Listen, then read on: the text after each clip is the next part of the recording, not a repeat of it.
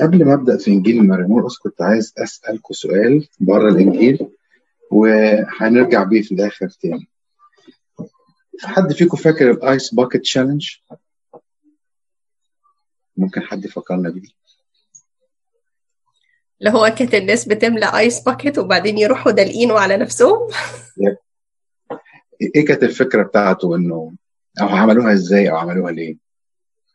ببساطة هم كانوا في عايزين يعملوا awareness لمرض اختصاره اسمه ال ALS فكانوا عايزين يعملوا بيجيبوا ناس معروفة وي nominate each other أو challenge each other عشان يعملوا awareness في المجتمع كله ويعملوا fundraising okay فخلي بالكم من فكرة ال ice bucket challenge إحنا مش هنعمل ice bucket challenge في الكنيسة بس عجبتني الفكرة إن يكون في awareness فالناس بت بتساعد بعضيها إن هم يعملوا تشالنج الحاجة الثانية كنت برضو أسألكم عليها آه في حوارات مع الشباب دلوقتي إنه تسألي واحد مثلا تحب آه تخدم في الكنيسة آه أو يكون لك دور في مثلا في الخدمة معينه يقول لك أنا لا يعني بعتذر عندي ظروفي عندي دراستي. لا أنا مش عايز أكون في الوضع ده. أنا يعني إيه أنا بحب الكنيسة وبحب الخدمة وبحب ربنا وبحضر الاجتماعات والقداسات بس تحس إن في فكرة عامة شوية ممكن تكون متأثرين بالمجتمع. يمكن تكون الحياة فعلا ضغطه شوية على الشباب إنه I am busy و I have other priorities. فالسؤال اللي ممكن نفكر فيه سوا إيه إيه الفكرة اللي ممكن نقدمها لشبابنا في الوقت الحالي. هحط السؤال ده على جنب ونخليه نرجع له بعدين بس حبيت أخليه كده زي حاجتين. بنعمة المسيح وصلواتكم نبدأ بإنجيل مريمورقس النهاردة ناخد مقدمة وإن أذن الرب نحاول ناخد أول خمس إصحاحات. الأول مقدمة عن إنجيل مريمورقس طبعا إنجيل مريمورقس هو الكاتب بتاعه القديس مريمورقس الرسول. وهو مش من ال 12 تلميذ من السبعين رسول اتكتب في أوائل القرن الأول وحوالي ما بين 50 أو 60 ميلادية ودي أرقام تقريبية لكن في دراسات أكثر تدقيقا. عشان تحدد بالظبط إنجيل مريمورقس اكتشف العلماء الدارسين الكتاب المقدس إنه هو أول إنجيل اتكتب. هو أقصر إنجيل وأول إنجيل اتكتب واستخدموا القديس لوقا والقديس متى في يعني في بناء أو كتابة البشارة بتاعتهم والتزويد عليها طبعا بحسب شخصية والفكرة والهدف من كل بشارة مختلفة. القديس مريمورقس كتب الإنجيل بتاعه للرومان وعشان هم الرومان مشهورين هم ناس عمليين بيهتموا بالقوة وبالحب السلطة وإن هم ما عندهمش وقت للفلسفة فدخل الموضوع على طول وكان بيركز في كلامه على حاجات محددة. إن يعني باختصار إزاي يثبت إن المسيح هو ابن الله أو إن المسيح هو الملك أو المسيح القوي؟ وفي نفس الوقت عايز يقول لهم إن قوة ابن الله أو قوة ابن الإنسان هي مش القوة العادية اللي فيها سلاح ومال وسلطة وإنما عن طريق إن يكون هو خادم البشرية. يبقى الفكرة الرئيسية دي مهمة جدا لأنها دي اللي هنمشي معاها بنعمة ربنا في إنجيل ماري مرقس. تاني بقولها بيقدم للمسيح للرومان المسيح ابن الله. هو ابن الله له سلطان. وفي نفس الوقت إن هو قوي لكن قوته إن هو خادم للبشرية. المسيح جاء خادم للبشرية. فدول الخطين الرئيسيين أو العنوان الرئيسي آه للبشارة. آه ما بدأش القديس مريمورقس رساله بشارته من الميلاد والهروب لمصر زي ما القديس متى بدأ أو كتب الأنساب زي القديس لوقا ما كتب لكن دخل على طول من أول موضوع خدمة المسيح وتعليمه على طول من بعد ظهوره. آه حاجة تانية القديس ماري مرقس اتولد في القيروان زي ما أنتم عارفين وأتقن اللغة اليونانية واللاتينية. وطبعا هو انتقل وعاش بعد ما جه من القيروان في اورشليم وكانت والدته مريم اللي هي العليه بتاعت اتعمل فيها العشاء الأخير واللي كانت الكنيسة مجتمعة فيها لغاية حلول الروح القدس. خال القديس ماري مرقس هو القديس برنابا الرسول اللي طبعا دعاه للخدمة في الرحله التبشيريه الأولى مع القديس بولس. وعملوا الرحلة التبشيريه الأول لكن القديس ماري مرقس رجع من مدينة بنفلية لظروف يا إما صحية أو ظروف ثانية وسابهم. وبعد كده في الرحلة التبشيريه الثانية القديس برنابا قال هياخد مرقس معاهم تاني والقديس بولس اختلف معاه آه وهنا ابتدت الفريق ده يتقسم فريقين أو التيم ده بقى آه بولس آه وسيلة راحوا ابتدوا يخدموا الخدمة الرحلة التبشيريه الثانية وبرنابا خد ماري مرقس معاه وابتدوا يبشروا. طبعا القديس ماري مرقس هو اللي بارك الأرض المصرية وهو اللي بشرنا. عن اول ما طبعا ما جه اتعرف أو على إنيانوس عن طريق حادثة خياطه الحذاء بتاعه وبشره وأسس أول كنيسة ورشم فيها بعديه يعتبر إنيانوس وثلاث كهنة رشم إنيانوس اسقف أو أو أو, أو يعتبر زي الرئيس أو البطرك ساعتها. وثلاث كهنة وسبع شمامسة وساب مصر فترة ورجع تاني يستشهد في مصر في حوالي سنة 68 القديس ميرامورس بقى في كتابته لذيذ جدا جدا جدا لأنه لما بيكتب البشارة بيحسسني إن هو راجل كأنه ماسك كاميرا على كتفه وبيجري في أحداث متلاحقة بيحاول في وصفه يوصف لك اللي هو شايفه بأحاسيسه وبمعانيه وبالخلفية. على البحر يقول لك في بحر وفي هواء وفي ناس بتجري ومثلا المسيح نظر إليهم بغضب فبيحاول يرسم لنا الموقف بطريقة عجيبة. متفرد هو بالأسلوب بتاعه. إن هو دايما ي... كان بسميه الكاميرا مان يعني إن هو يشرح لك الموقف والخلفية بطريقة بسيطة جدا بس يحسك إن أنت واقف هناك معه. كمان هو بيجي في المعجزات ويركز قوي ويكتب كلام كتير وتفاصيل كتيرة. مثلا مثال المسيح نائم في المركب وسط العاصف يقول نائم على وسادة. القديس له قال إن هو نايم في المركب بس مش على وسادة يعني بس القديس مرموس اهتم إن يكون ذكر إن هو نايم على مخدة. فهو ليه بعض التميزات أو التفردات اللي هو يعني دقيق في التفاصيل بتاعته. آه كمان الإنجيل موجه للرومان فهم ناس ما يعرفوش المسيحية قوي وعايز يديهم الخلاصة وعمل المسيح كله بطريقة مبسطة. فلو في إنسان ما يعرفش المسيحية أو عايز يعرف المسيحية ممكن يكون الانجيل ده مناسب جدا للتعرف على شخص المسيح. لأنه في كل مرة لو أف... لو قفلنا الإصحاح بتاع مثلا الأول أو الثاني أو أي إصحاح تسأل نفسك سؤال مين هو المسيح؟ هتلاقي ماري مرقس اداك قصة تستنتج أنت منها مين هو المسيح. وسايبك انت تقرر قرارك. هل هو ده إنسان عادي أم ابن الله؟ أه حاجة تانية برضو القديس ماري مرقس اتقال على إنجيله من من إخواتنا البروتستانت يقولوا إن الإنجيل الإنجيل ده الكاتب الأصلي بتاعه أو الملقن هو القديس بطرس واللي ساعده في الترجمة وكتابة الإنجيل باللغة اللاتينية هو القديس مرموس. طبعا الكنيسة القبطية بترفض هذا الرأي. لأسباب كتير. والبابا شنودة عمل بحث عن الموضوع ده وموجود آه اونلاين بس الملخص بتاع الموضوع إنه آه القديس مرموس كان شاهد عيان لأحداث كتيرة جدا آه وذكر حاجات ما حدش شافها غيره مثلا مثال هروب الشاب في بستان جاسماني لما الجنود مسكوه آه حاولوا يقبضوا عليه فهرب وساب في هدومه معاهم فدي حادثة انفرد بيها العشاء الأخير اتعمل في العلية بتاعه عيلته. فدي حادثة هو برضه حضرها. فما كان القديس بطرس لو هو كاتب الإنجيل ما فيش ما فيش حاجة تخ... يعني تخلي القديس مرقس يخجل إنه يقول إن أنا كنت قاعد مع بطرس وعلمني. ما كان فيش حاجة تخلينا يعني يخبوا على بعض لأنه دي ما فيهاش حاجة يعني فيها زي خجل أو يعني حاجة يخبيها فالكنيسة الأرثوذكسية طبعا بتؤمن إنه الكاتب الشاهد العيان هو القديس مرقس وهو كتب بأسلوبه طبعا ممكن يكون في قصص سمعها لكن هو ده أسلوبه ودي كتابته ودي شخصيته وروح القدس استخدم كل إمكانياته وباركها لوضع الكلمات دي على فمه. هل في حد عنده أسئلة لغاية دلوقتي؟ معلش طولت عليكم معلومات كتيرة ويمكن دي يعني مختصرة المختصر زي ما بيقولوا.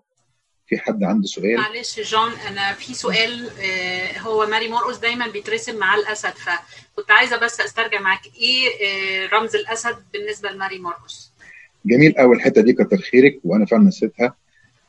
آه القديس ماري مرقس ليه بيرمز لإنجيله برمز الأسد لكذا سبب. السبب الأولاني قالوا إن أول آية في الإنجيل آه في إنجيله هو بيقول إيه؟ صوت أو دي ثالث آية أنا آسف صوت صارخ في البرية.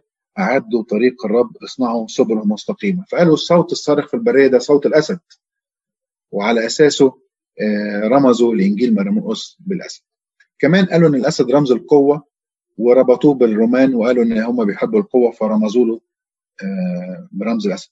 سبب ثالث ودي كلها يعني ممكن نقول يعني آه، اجتهادات يعني إنه القديس ماري مرقس لما كان مسافر مع والده ووالدته هجم عليهم أسد آه، وخافوا القديس ماري مرقس رشم الصليب على الأسد فمات وبالتالي برضه اتربطت صورة القديس أو إيقونة القديس ماري مرقس بالأسد عشان هو يعني خد لما رشم الصليب طبعا والده آمن بالمسيح و دي كانت قصة ارتباط القديس مرموز بالأسد.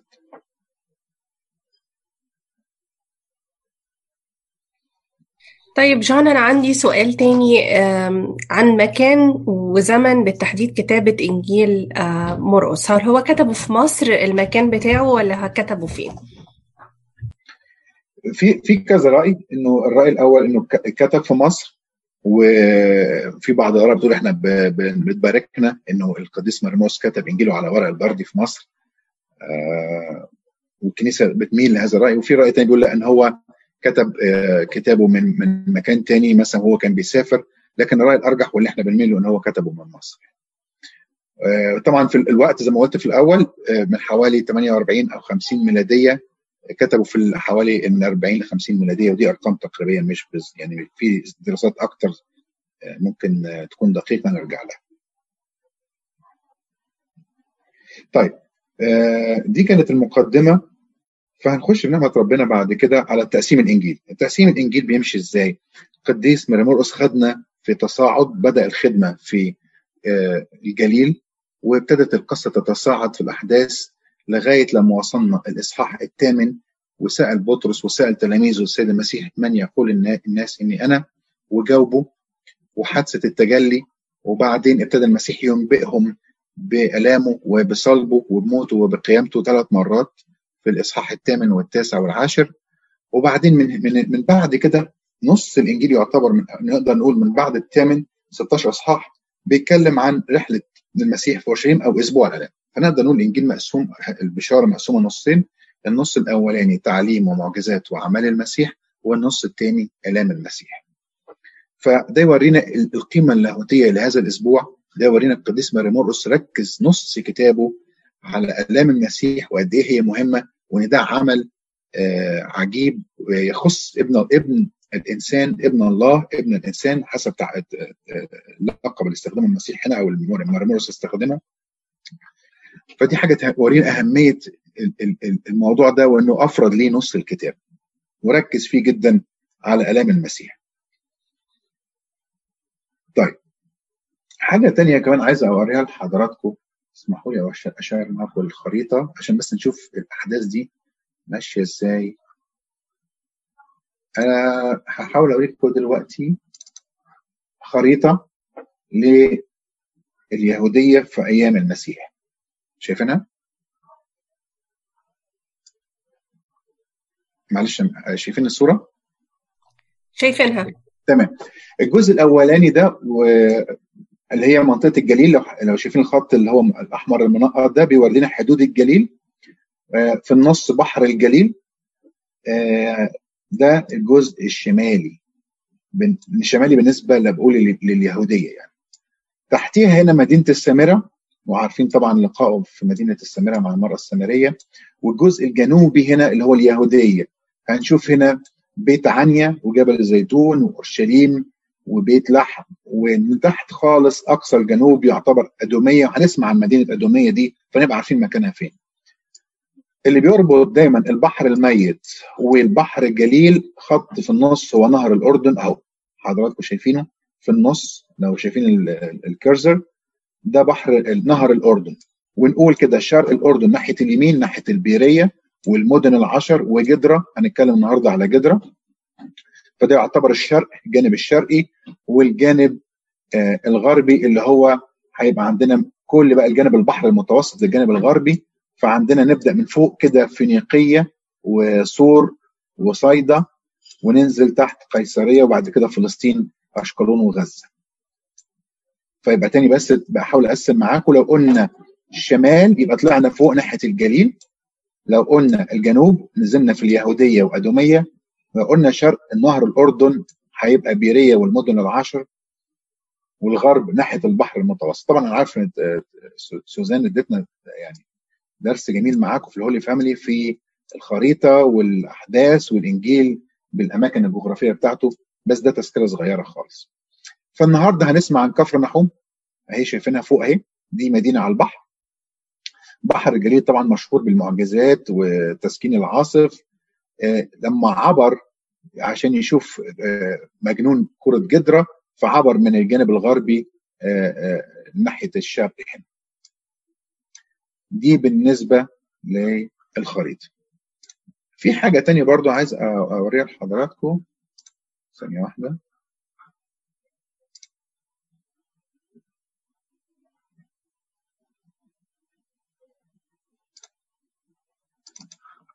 هي الموقع ده الموقع ده اسمه Bible Hub هل شايفينه؟ طبعا هي دي بس يعني زي tool بس أنا حب حب حبيت إن الناس كلها تعرفها وانتوا تعرفوها. الموقع ده جميل جدا وفي حاجات كتير جدا كبير بس أنا هديكم فكرة عن حاجة أو اسمه Bible Hub dot com الموقع ده فيه ترجمات كتيرة جدا لكن مش بس ترجمات. هوريكم حاجة. في هنا حاجة اسمها parallel gospel أو parallel bible excuse me راحت فين؟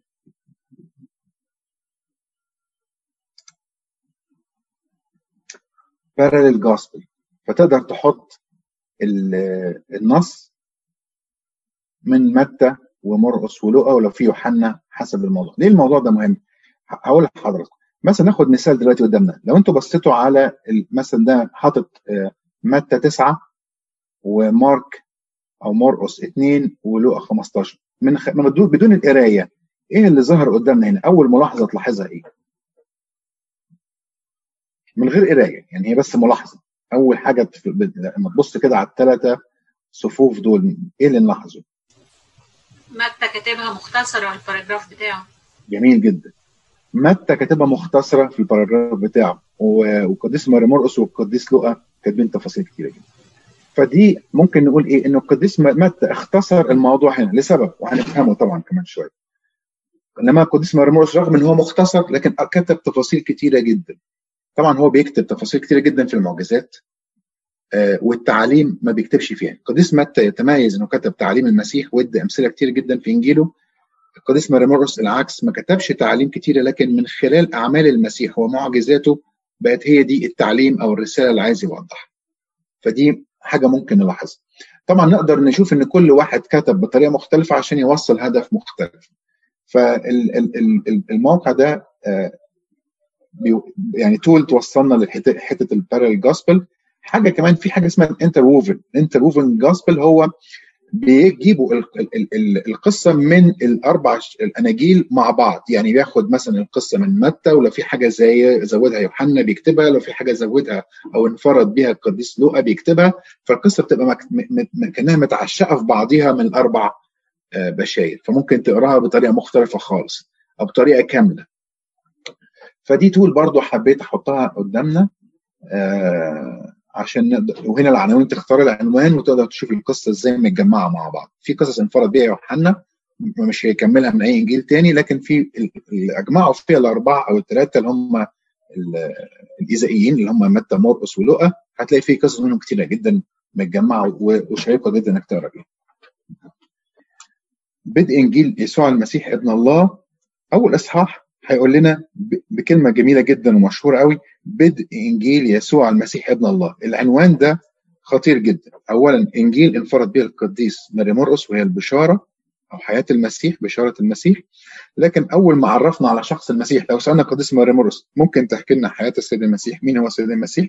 يقول أيوه يسوع المسيح ابن الله. دي أول حاجة هو عايز يعرفها عايز يقدم لنا النهارده مين هو يسوع المسيح. ده ابن الله. الرومان كانوا يقولوا على فترة من فتراتهم إن قيصر هو ابن الآلهة. وفي واحد من الامبرورز سمى نفسه ابن الآلهة وخلط الدين بال بال بالسياسة وعمل نفسه إله ساعتها. لكن قال لهم لأ هو يسوع المسيح ده هو ابن الله مش قيصر هو ابن الله ده يسوع المسيح هو ابن الله. برضو القديس مرموس ما استشهدش بحاجات من من العهد القديم غير آيتين هم هنا في أول آيتين هنا والباقي كله ما الإنجيل هو بيحكي قصص لأنه الرومان ما يعرفوش العهد القديم وما استغلوه يعني ما استفادوش حاجة من الإيه؟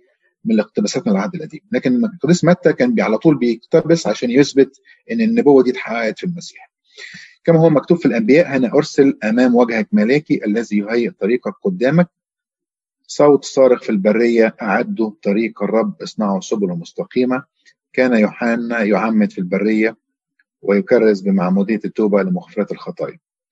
فخرج وخرج إليه جميع قرى اليهودية وأهل أورشليم واعتمدوا جميعهم منه في نهر الأردن معترفين بخطاياهم وكان يوحنا يلبس وبر الإبل ومنطقة من جلد على حقويه ويأكل جرادا وعسلا بريا. وكان يكرز قال يأتي بعدي من هو أقوى مني. الذي لست أهلا أن أنحني وأحل سيور حذائه. أنا عمدتكم بالماء أما هو فسيعمدكم بالروح القدس. يا ريت بشجع كل الناس اللي بتسمع معانا دلوقتي. طلع إنجيلك وهات قلمك واكتب notes والحاجات اللي تعجبك خطط عليها واكتب أسئلة لو عندك أسئلة وابعتها للخدام أو للقناة هنا عشان نقدر نجاوب عليها لو في أسئلة. الأول باراجراف بيعرفنا طبعا مين هو الصوت الصارخ في البرية مين هو الملاك الذي يعد طريق الرب هو القديس يوحنا المعمدان في نقطة ممكن نشاور عليها بسهولة أنا مش مش هعلق على كل آية وكل كلمة بس هناخد حتة معينة. بيقول إيه؟ ف في آية خمسة خرج إليه جميع قرى اليهودية وأهل أورشليم واعتمدوا جميعهم في نهر الأردن معترفين بخطاياهم إذا هنا في اعتراف بالخطايا. جبنا منين سر الاعتراف؟ أهي إن الحاجة دي مش جديدة لكن الشعب كله كان بيخرج وبيعترف على يد يوحنا ابن الكاهن من سبط لاوي وبيعترفوا بخطاياهم وبيتوب. فدي تفكرنا على طول بسر الاعتراف إنه دي حاجة كنيسة ما اخترعتهاش لكن كانت موجودة. كانوا بيعترفوا بخطاياهم وبينالوا معموديه التوب شاور على المسيح على طول في أول آية أو في آيته قال يأتي بعدي من هو أقوى مني. رغم إن الناس كلها بتقول إن يوحنا خرجت له كل المدن اليهودية لكن يأتي بعدي من هو أقوى مني. وهنا فكرنا ان دايما في حياتنا نتكلم عن المسيح ونقول يأتي بعدي من هو أقوى مني. الذي لست أهلا ان انحني واحل سيرس حذاء صحيح ربنا إدى يوحنا البركة والخدمة والنعمة وإن الناس تسمع له وإن الروح القدس يشتغل فيه ويحرك الشعب كله ويعد طريق الرب وعمل عمل جليل لكن ما ننساش إنه يأتي بعدي من هو أقوى مني. فكان بيشاور على المسيح دايما. طبعا بعديها على طول الحادثة بتاعه المعمودية أو معجزة إنه المسيح صعد من الماء والسماء انشقت وصوت من السماء هذا هو ابن الحبيب الذي به سررت. آه الآية 14 وبعدما أسلم يوحنا جاء يسوع إلى الجليل يكرز ببشارة ملكوت الله. المسيح هنا السيد المسيح بدأ بشارته بعد إيه؟ ما أسلم يوحنا وهنرجع لموضوع يوحنا ده في الإصحاح السادس بس دلوقتي نركز بقى المسيح بدأ خدمته بإيه؟ أول ما بدأ يقول قد كمل الزمان واقترب ملكوت الله فقال حاجتين فتوبوا وآمنوا بالإنجيل الكلمتين دول هو ملخص الإنجيل بتاع مريموس القديس مريموس بيقول لنا المسيح لما بدأ بشارته قال كمل الزمان اقترب فاعملوا إيه بقى؟ إيه اللي المفروض نعمله؟ فتوبوا وآمنوا بالإنجيل توبوا هنا معناها إيه؟ إيه رأيكم في كلمة توبوا؟ يقصد بيها إيه؟ ناخد رأي الخدام ما معنى توب في حياتنا النهارده هي كلمة يعني صعبة. إحنا كنا بنتكلم من فترة كانت معانا مريم وكنا بنتكلم إنه الإنسان عشان يعرف هو لازم يتوب لازم يعرف إن هو غلطان الأول. فأول خطوة للتوبة إن الإنسان يبقى عارف خطيته أو عارف هو غلطان في إيه عشان يقدر ياخد خطوة إيجابية ناحية إنه أنا عايز أبطل أعمل كذا. أنا عايز أبدأ صفحة جديدة. حلو قوي يبقى الأول يعرف إنه غلط ويغير تفكيره يحيا بطهارة ويطلب ملكوت الله. كلمة توبوا دي كلمة يمكن كلمة واحدة لكن فيها معاني كتيرة جدا زي ما قالت لنا إرمين أول حاجة تعرف أنت فين تعرف إنك غلطان تعرف الواحد محتاج إنه يرفض الخطية يرفض الفكر الوحش باستمرار. هي مش مش كلمة مش مرحلة بعديها. أنا بفكر نفسي دايما أنا محتاج أتوب. ودي هي حلاوة العشره مع المسيح إن هي مش مرحلة أنا بوصل لها وبعد كده بنسى كلمة التوبة. إنما دي حياتي اليومية مع المسيح كل يوم كل لحظة ممكن تكون ساعة توبة. ممكن بعد الغلط على طول أفتكر أو الروح القدس يوبخني فالمسيح بيقول لنا توبوا وآمنوا بالإنجيل. دي دعوة متكررة يومية إني أتوب ما يأسي ما أتعبش ما كلش ما أقول ما فيش تغير لأ. الدعوة موجهة لكل واحد فينا. توبوا وآمنوا بالإنجيل. كلمة آمنوا بالإنجيل يعني آمنوا بيا. أنا المخلص بتاعكم أنا اللي هفديكم وأنا اللي هتقول اللي اتحققت فيه النبوات. فالنهاردة ممكن نفكر نفسنا توبوا وآمنوا بالإنجيل دي كانت دعوة المسيح. بعد كده نمشي شوية بسرعة المسيح يدعو طبعا مين؟ التلاميذ اللي هم الأربعة الكبار الأولانيين بطرس وسمعان واندراوس وبعدين تبعها على طول ثم بعد شوية لقى أولاد أولاد زبدي يوحنا ويعقوب. فدعاهم وبردوا ذهبوا وراه. طيب آية 21 دخل كفر نحوم. بفكركم كفر نحوم كانت حوالين بحر الجليل.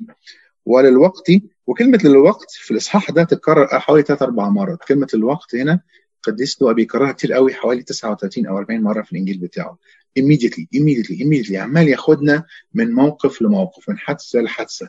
عمال بينقلنا زي ما قلت لكم افتكروا حتة الكاميرا مان دي عمال يوجهنا في أحداث إنجيل متصاعد في الأحداث. وللوقت ما كانش في وقت يعني عمال بسرعة. دخلوا كفر نحوم دخل المجمع في السبت وصار يعلم فبهتوا من تعليمه لأنه كان يعلمهم كما له سلطان وليس كالكتب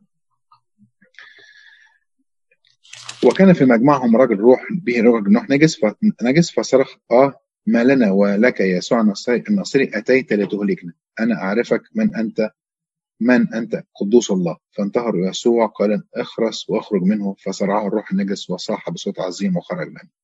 فتحيروا كلهم حتى سأل بعضهم بعضا قائل ما هذا هو التعليم الجديد؟ لأنه بو سلطان. يأمر حتى الأرواح النجسة فتطيعه. فخرج خبر الوقت في كل القرى المحيطة. هنا القديس مرموس عايز يقول لنا إن أول حاجة المسيح هنا قدمها لنا كان إيه؟ تعليم في المجمع وتعليمه كان بسلطان. يقصد بيه إيه؟ بسلطان وليس كالكتبة إيه رأيكم؟ إيه المقارنة بموضوع تعليم بسلطان وليس كالكتبه إيه الفرق؟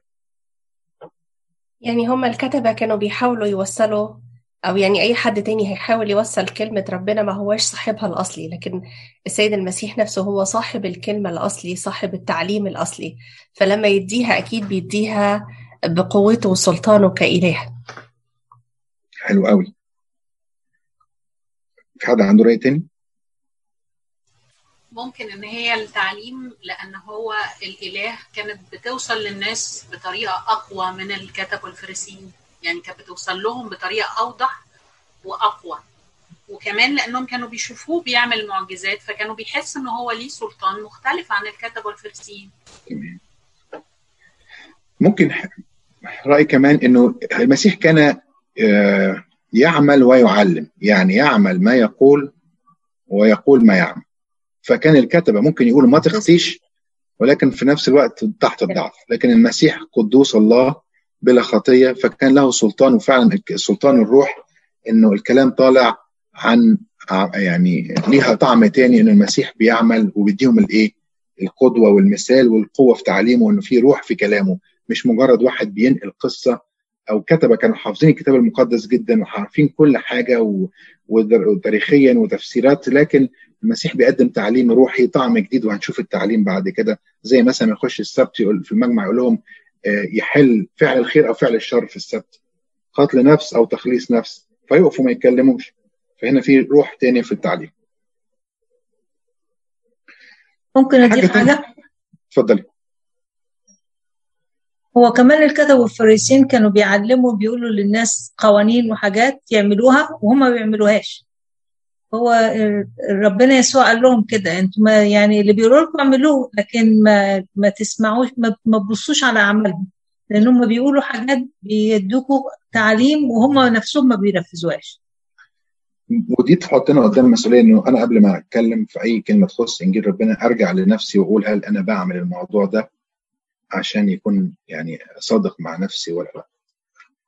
ربنا يعوضك كمان طيب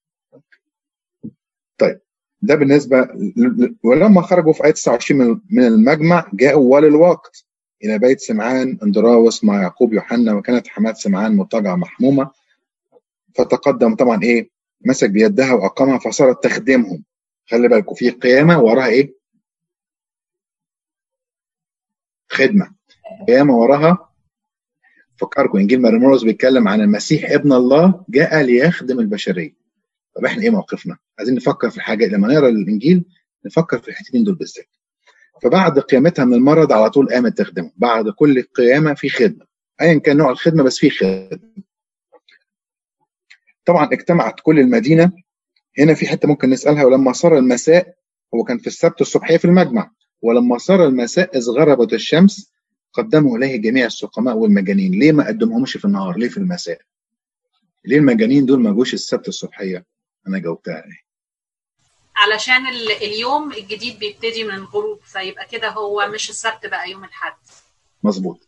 فعلا اليوم اليهودي بيبدأ من الغروب وهو في السبت كان بيعلم في المجمع ولما جه بعد التعليم دخل بيت سمعان وأول ما الوقت زي كأنه إيه بالدقيقة خلص كأن إيه سوري في الكلمة المدفع ضرب كله جاب المدينة الأمراض والمرضى وحطهم عند المسيح عشان يشفوهم. وكلمة المجنون هنا ساعات يمكن في العهد في العهد الجديد يعني اللي هو مثلا الديمون بوسيسد أو عليه روح شيطان مش لازم يكون مجنون بالمعنى النفسي أو خارج عن عقله إنما كان ممكن تكون برضه إنه الشياطين كانت ماسكاهم فيقولوا إن ده مجنون.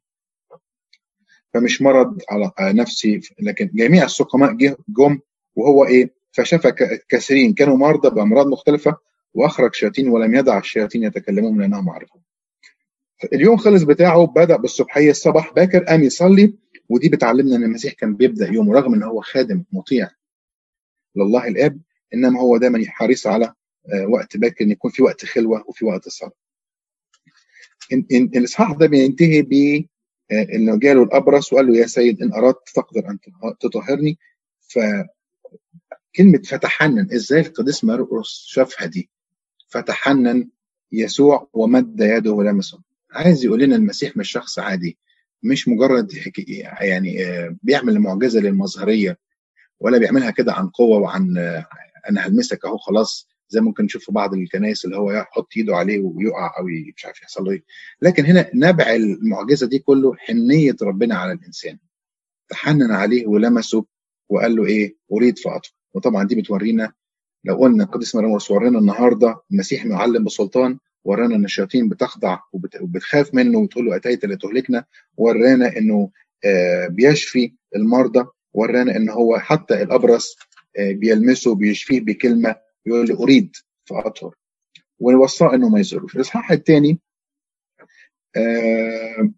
بيكمل. دخل كفر نحوم وبعد أيام فسمع إنه في بيت ولما اجتمع البيت كله الباب كان مقفول جم بقى إيه قصة المفلوج والأربع أصدقاء اللي نقبوا السقف ونزلوه أو دلوه. فلما رأى يسوع إيمانهم قال للمفلوج يا ابني مغفور لك خطاياك. وطبعا هنا المسيح ريمورس عايز يقول لنا أنا غافر الخطيه فلو كلمت ربنا أقول له إيه؟ يعني الطلبه اللي عايز يوجهها لنا هنا عايزين ابونا داود لما يعلمنا لما نقرا حاجة نحولها إلى صلاة. لما نقرأ معجزة نقرأ آية نحولها إلى صلاه إلى طلبة تخصني أنا. فالمسيح هنا بيقول يا ابني مغفورة لك خطاياك. ممكن أحول دي أنا طلبة أو صلاة سواء ليا أو لغيري. تيجوا نجرب حد يحولها لنا إلى آية كده؟ إلى صلاة سوري.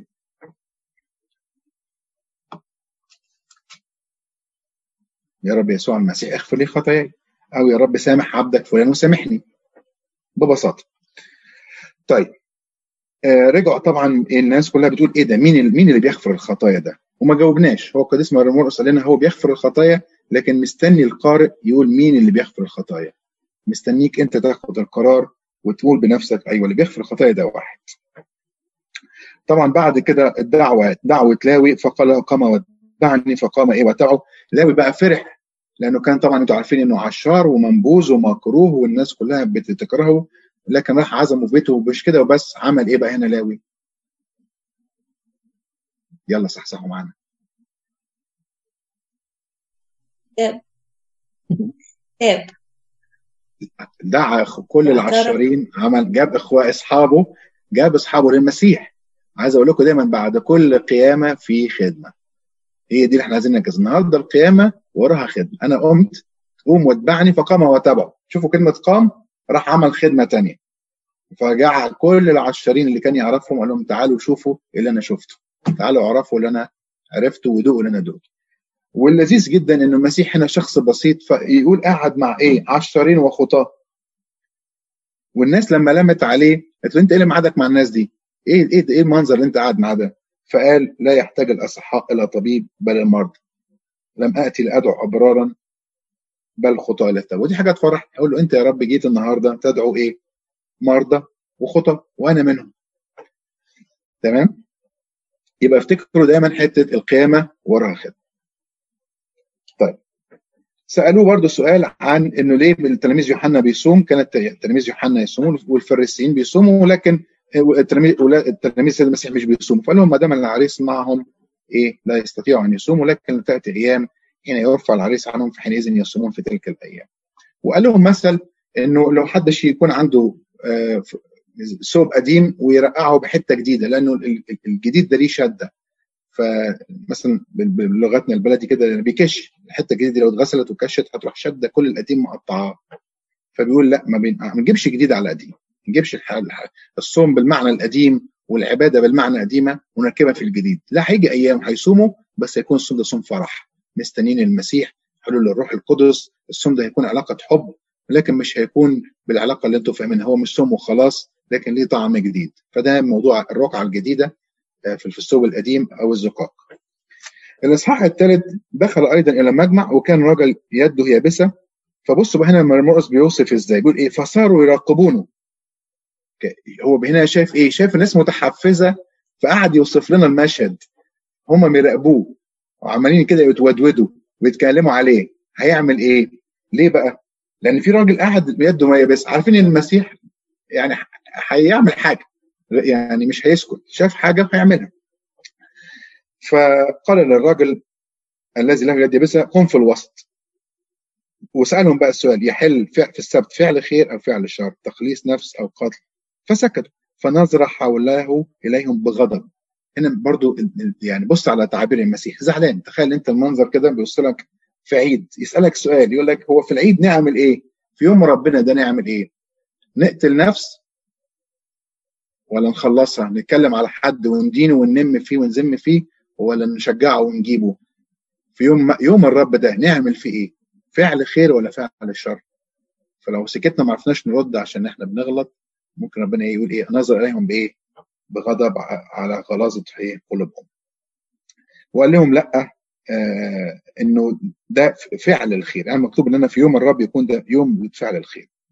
وطبعا بدأت هنا مشاوره إنه إيه فخرج الفريسيين الوقت مع الهيروديسيين وتشاوروا عليه ليهلكوه الهيروديسيين دول ناس ليها حزب سياسي تتفق مع هيرودس وعايزين يتفقوا إن هم يقتلوا المسيح مع فكان في مؤامرة تظهر هو من الأول الصح الثالث بيقول لنا إن في مؤامرات حوالين المسيح.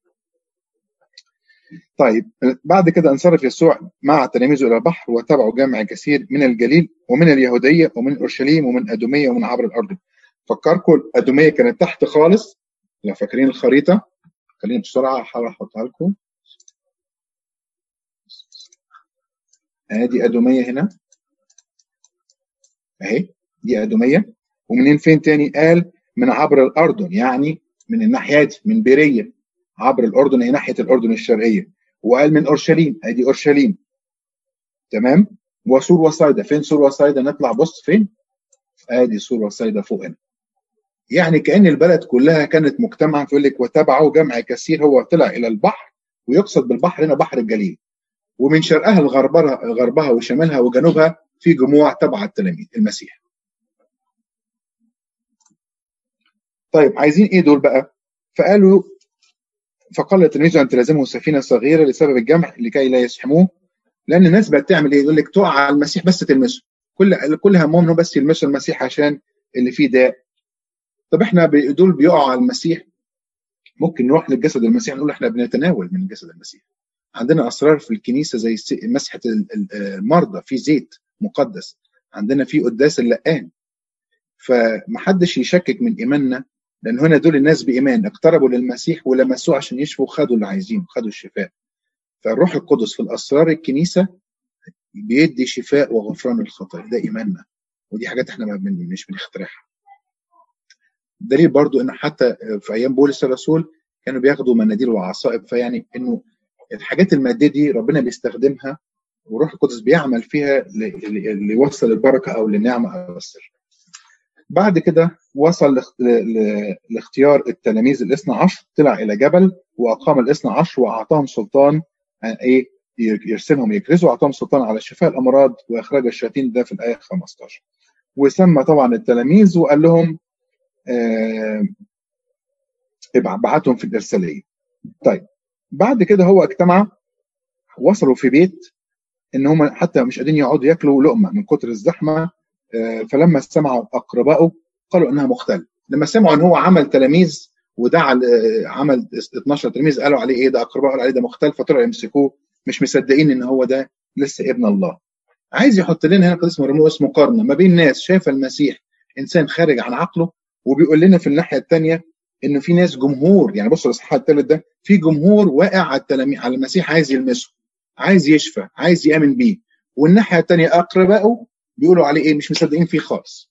دي المقارنة اللي في الإصحاح الثالث برضه لو بصينا على المقارنة الأولانية إنه في الإصحاح الأول بتاعة الإصحاح الثاني المفلوج شفاء المفلوج غفر الخطايا والفريسين عايزين يقتلوه لأنه بيكسر السبت فالقديس مرقس عمال يحط لنا إيه كده؟ رأي ورأي الآخر. إحنا بقى هنكون مع مين فيهم أنا عارف إحنا قدامنا حوالي خمس دقائق بالكثير فبحاول أمشي بسرعة. نوصل الاصحاح نوصل الاصحاح الرابع بنعمة ربنا. الاصحاح الرابع مشهور قوي بمثل الزارع. Okay؟ مثل الزارع الكنيسة بتقراه في انجيل في شهر هاتور مرتين حدين ورا بعض. مرة من إنجيل لوقا ومرة من إنجيل ماري مرقس فبيتكرر مرتين ومثل مهم جدا بيفكرنا إن الأرض دي هي أرض قلبي. وإنه الأرض دي زي محتاجة تنقية. لما الواحد طبعا كلنا عندنا بيوت يشوف ال weed عايز يشيل ال weed وعايز بيته يبقى شكله حلو وال backyard بتاعته شكلها حلو فعايز يشيل الويد على طول. فهو بيقول لنا النهارده خلي بالك أنت أرضك دي فيها حجر ولا شوك ولا مش فيها فيها طريق مداسه كده ما فيهاش مكان للزرع. وشرح للتلاميذ والتلاميذ كان عندهم بصراحة حاجة إيجابية راحوا سألوه إحنا مش فاهمين المثل ده. فكل واحد يتبع المسيح يقول له أنا مش فاهم أنت قصدك إيه. اشرح لي الكلمة دي. المسيح يشرح له زي ما شرح للتلاميذ. ودول كان عليهم الدور إن هم يشرحوا اللي بعديهم. التلاميذ كان عليهم الدور إن هم يشرحوا الكلمة. مثل تاني هنا الاصحاح ده فيه ثلاث أمثلة. الاصحاح المثل الأولاني مثل الزارع معروف. أنا بمشي بسرعة.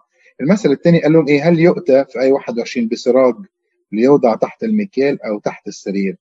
أليس يوضع المنارة؟ لأنه ليس شيء خفي لا يظهر ولا صار مكتوما إلا ليعلم إن كان الأحد أذنان للسمع فليسمع. وقال فده المثل الأول إيه؟ إنه ما حدش يحط النور المنارة الأعمال الكويسة كلمة المسيح ما ينفعش تتخبى مكانها فوق وتنير لكل الناس. يبقى الكلمة اللي ربنا مديها لخدامه كلمة الإنجيل دي مش مكانها إن هي تتخبى دي مكانها منارة للناس. طيب وإحنا مدعوين نكون نور للعالم كله. إن كان آه انظروا ما تسمعون. انظروا ما تسمعون. بالكيل الذي به تكيلون يكال لكم ويزداد لكم أيها السمعون. لأن من له سيعطى وأما من ليس له فالذي عنده سيؤخذ منه. بمعنى إنه اللي عنده نعمة وعنده بركة ومركز في اللي بيسمعه مركز في كلام المسيح وبيتاجر من له سيعطى. اما الذي ليس له المسيح فالذي عنده سيأخذ منه. يعني الوزن المواهب البركة النعمة اللي أنت واخدها لو أنت سايبها ودفنها وراكنها مش مش حاسبها هتروح منك وهتروح للواحد الايه اللي بيستثمر فيها. مثل آخر قالوا اللي هو المثل الثالث آية 26 وده مثل انفرد به القديس مريموس في إنجيل وما ذكرش في الأناجيل الثانية إنه كان إنسان كان ملكوت الله كأن إنسانا يلقي البزار على الأرض وينام ويقوم ليلا ونهارا. خلي بالك ينام ويقوم ليلا ونهارا. والبزار يطلع وينمو وهو لا يعلم كيف. لأن الأرض من ذاتها تأتي بثمر أولا نباتا ثم سنبلا ثم قمحا ملآن في السنام وأما متى أدرك الثمر فللوقت يرسل المنجل لأن الحصاد قد حضر. المثل ده فسروه الآباء بطريقة جميلة جدا. بيقول إيه؟ لو قلنا إن قلب الإنسان هو الأرض اترمى فيها البذرة ففي إنسان القى البزار البذرة دي اترمت في قلبه فبيقول الإنسان ده ينام ويقوم ليلا ونهارا و وهو لا يعلم كيف. بيقولوا إن الإنسان ده هو المسيح لا يتدخل في إرادة الإنسان. لا يعلم كيف لا يعلم كيف سيستجيب القلب لا يعلم كيف سيستجيب الإنسان بإرادته. يعني ما بيتدخلش في إرادة الإنسان ما بيفرضش عليه طريق الخلاص لكن بيديله البذرة. إن قبلها ونقى القلب تنمو. ويكون فيها سنابل ويكون فيها قمح. وإن رفضها ده اختياره. فكلمة لا يعلم دي معناها إنه إرادة الإنسان موجودة وربنا بيحترمها. لأن الأرض من ذاتها تأتي بثمر. اولا في نبات في تدرج. الأول هيطلع زي عشب كده وبعد كده سنبل ثم قمح وبيملى بقى الأرض كلها. فده في تدرج في كلمة ربنا في تدرج في علاقتي بربنا ممكن الأول كل مرة آخد بذرة جديدة تطلع كده عشبة صغيرة وبعدين الملكوت ينمو درجة بدرجة وتبقى عشب في إيه؟ في قمح أو سنبل وبعد كده قمح فده يعلمنا إن إحنا دايما يبقى فيه صبر. وبعدين ينام ويقوم فقلنا إن دي معناها إيه؟ رمز الايه ينام ويقوم. مين يساعدني فيها مين؟ اللي قلنا دلوقتي الزارع هو المسيح. مين ينام ويقوم؟ دي يقصد بيها إيه؟ إيه رأيكم؟ يعني يصلب ويموت ويقوم ممتاز. ي... أيوه ممتاز. ينام لأنه يصلب وينام في القبر ويقوم وبسايب الوقت الحصاد اللي هيجي فيه هو بقى يسأل عن كل واحد عمل إيه. آخر مثل بيقول نشبه ملكوت الله أو بأي مثل نمثله هي حبة خردل متى زرعت في الأرض فهي اصغر جميع البذور التي على الأرض ولكن متى زرعت تطلع وتصير أكبر جميع البقول وتصنع اغصانا كبيرة حتى تستطيع طيور السماء أن تتآوى تحت ظلها. وبأمثال كثيرة مثل هذه كان يكلمهم حسبما كانوا يستطيعون أن يسمعوا وبدون مثل لم يكن يكلم. ننتقل بعد كده إنه آخر حاجة في الإصحاح ده قال لهم نجتاز إلى العبر وقلنا لما نجتاز إلى العبر هيطلع من فين؟ من كفر نحوم هيروح يعدي بحر الجليل فاكرين الخريطة؟ هيعدي من كفر نحوم هيروح بحر الجليل المكان المتوقع هيروح فيه دلوقتي هنشوفه الإصحاح الخامس جدرة. هنتكلم على جدرة المرة الجاية. لكن دلوقتي هو هيجتاز إلى العبر فهم التلاميذ سمعوا الكلام وإركب السفينة اتفضلوا. هو النهارده الإصحاح الرابع ده بدأ وهو في البحر. لو رجعتوا الايه واحد ابتدى يعلم عند البحر. فدخل السفينة. طول النهار بيعلم وهو قاعد في السفينة. خلص الأمثلة وخلص التعليم وهو في السفينة قال لهم نجتاز إلى العبر ما طلعش. أنا سميت الإصحاح ده يوم في المركب. آه فكان تعبان. اليوم كان طويل عليه جدا فكان تعبان. فحدث آه نوء ريح عظيم فكانت الأمواج تضرب إلى السفينة حتى صارت تمتلئ. وكان هو في المؤخر على وسادة نائما. القديس مرمرس تفاصيل. نايم على وسادة. فأيقظوه وقالوا يا معلم أما يهمك أننا نهلك؟ فقام وانتهر الريح وقال للبحر اسكت ابكم. فسكنت الريح وصار هدوء عظيم. وقال لهم ما بالكم خائفين هكذا؟ كيف لا إيمان لكم؟ فخافوا خوفا عظيما وقالوا لبعضهم بعضهم لبعض من هو هذا؟ فإن الريح أيضا والبحر يطيع طبعا هنا القديس مرموس عايز يقول لنا إيه؟ بصوا المعلم اللي كان قاعد في السفينة ده وبيتكلم بأمثلة بسيطة وكان يمكن تشكوا في شكله بصوا سلطانه شوفوا قوته يأمر البحر فيطيع. كان نايم في المؤخرة أو في, على وسادة آه لكن هو ضابط الكل. شوفوا المقارنة إن هو بيقدمها لنا. هذا هو ابن الإنسان بدء إنجيل يسوع المسيح ابن الله. النهارده بيقول لنا هل تؤمن بي؟ هل تؤمن إن أنا قادر؟ زي ما ورانا القديس مرموق سلطانه على الأمراض سلطانه على الشياطين سلطانه على الطبيعة السلطان في التعليم القوة اللي كان بي بيجول ويكرز بيها والناس اللي بتحبه بتمشي وراه.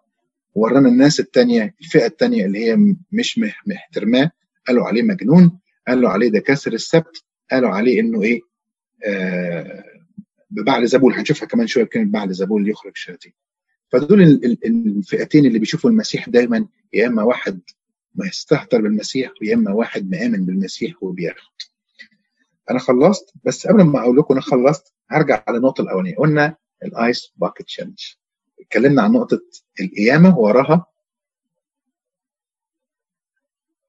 خدمة. أنا شايف نيفين بس ما سمعتهاش.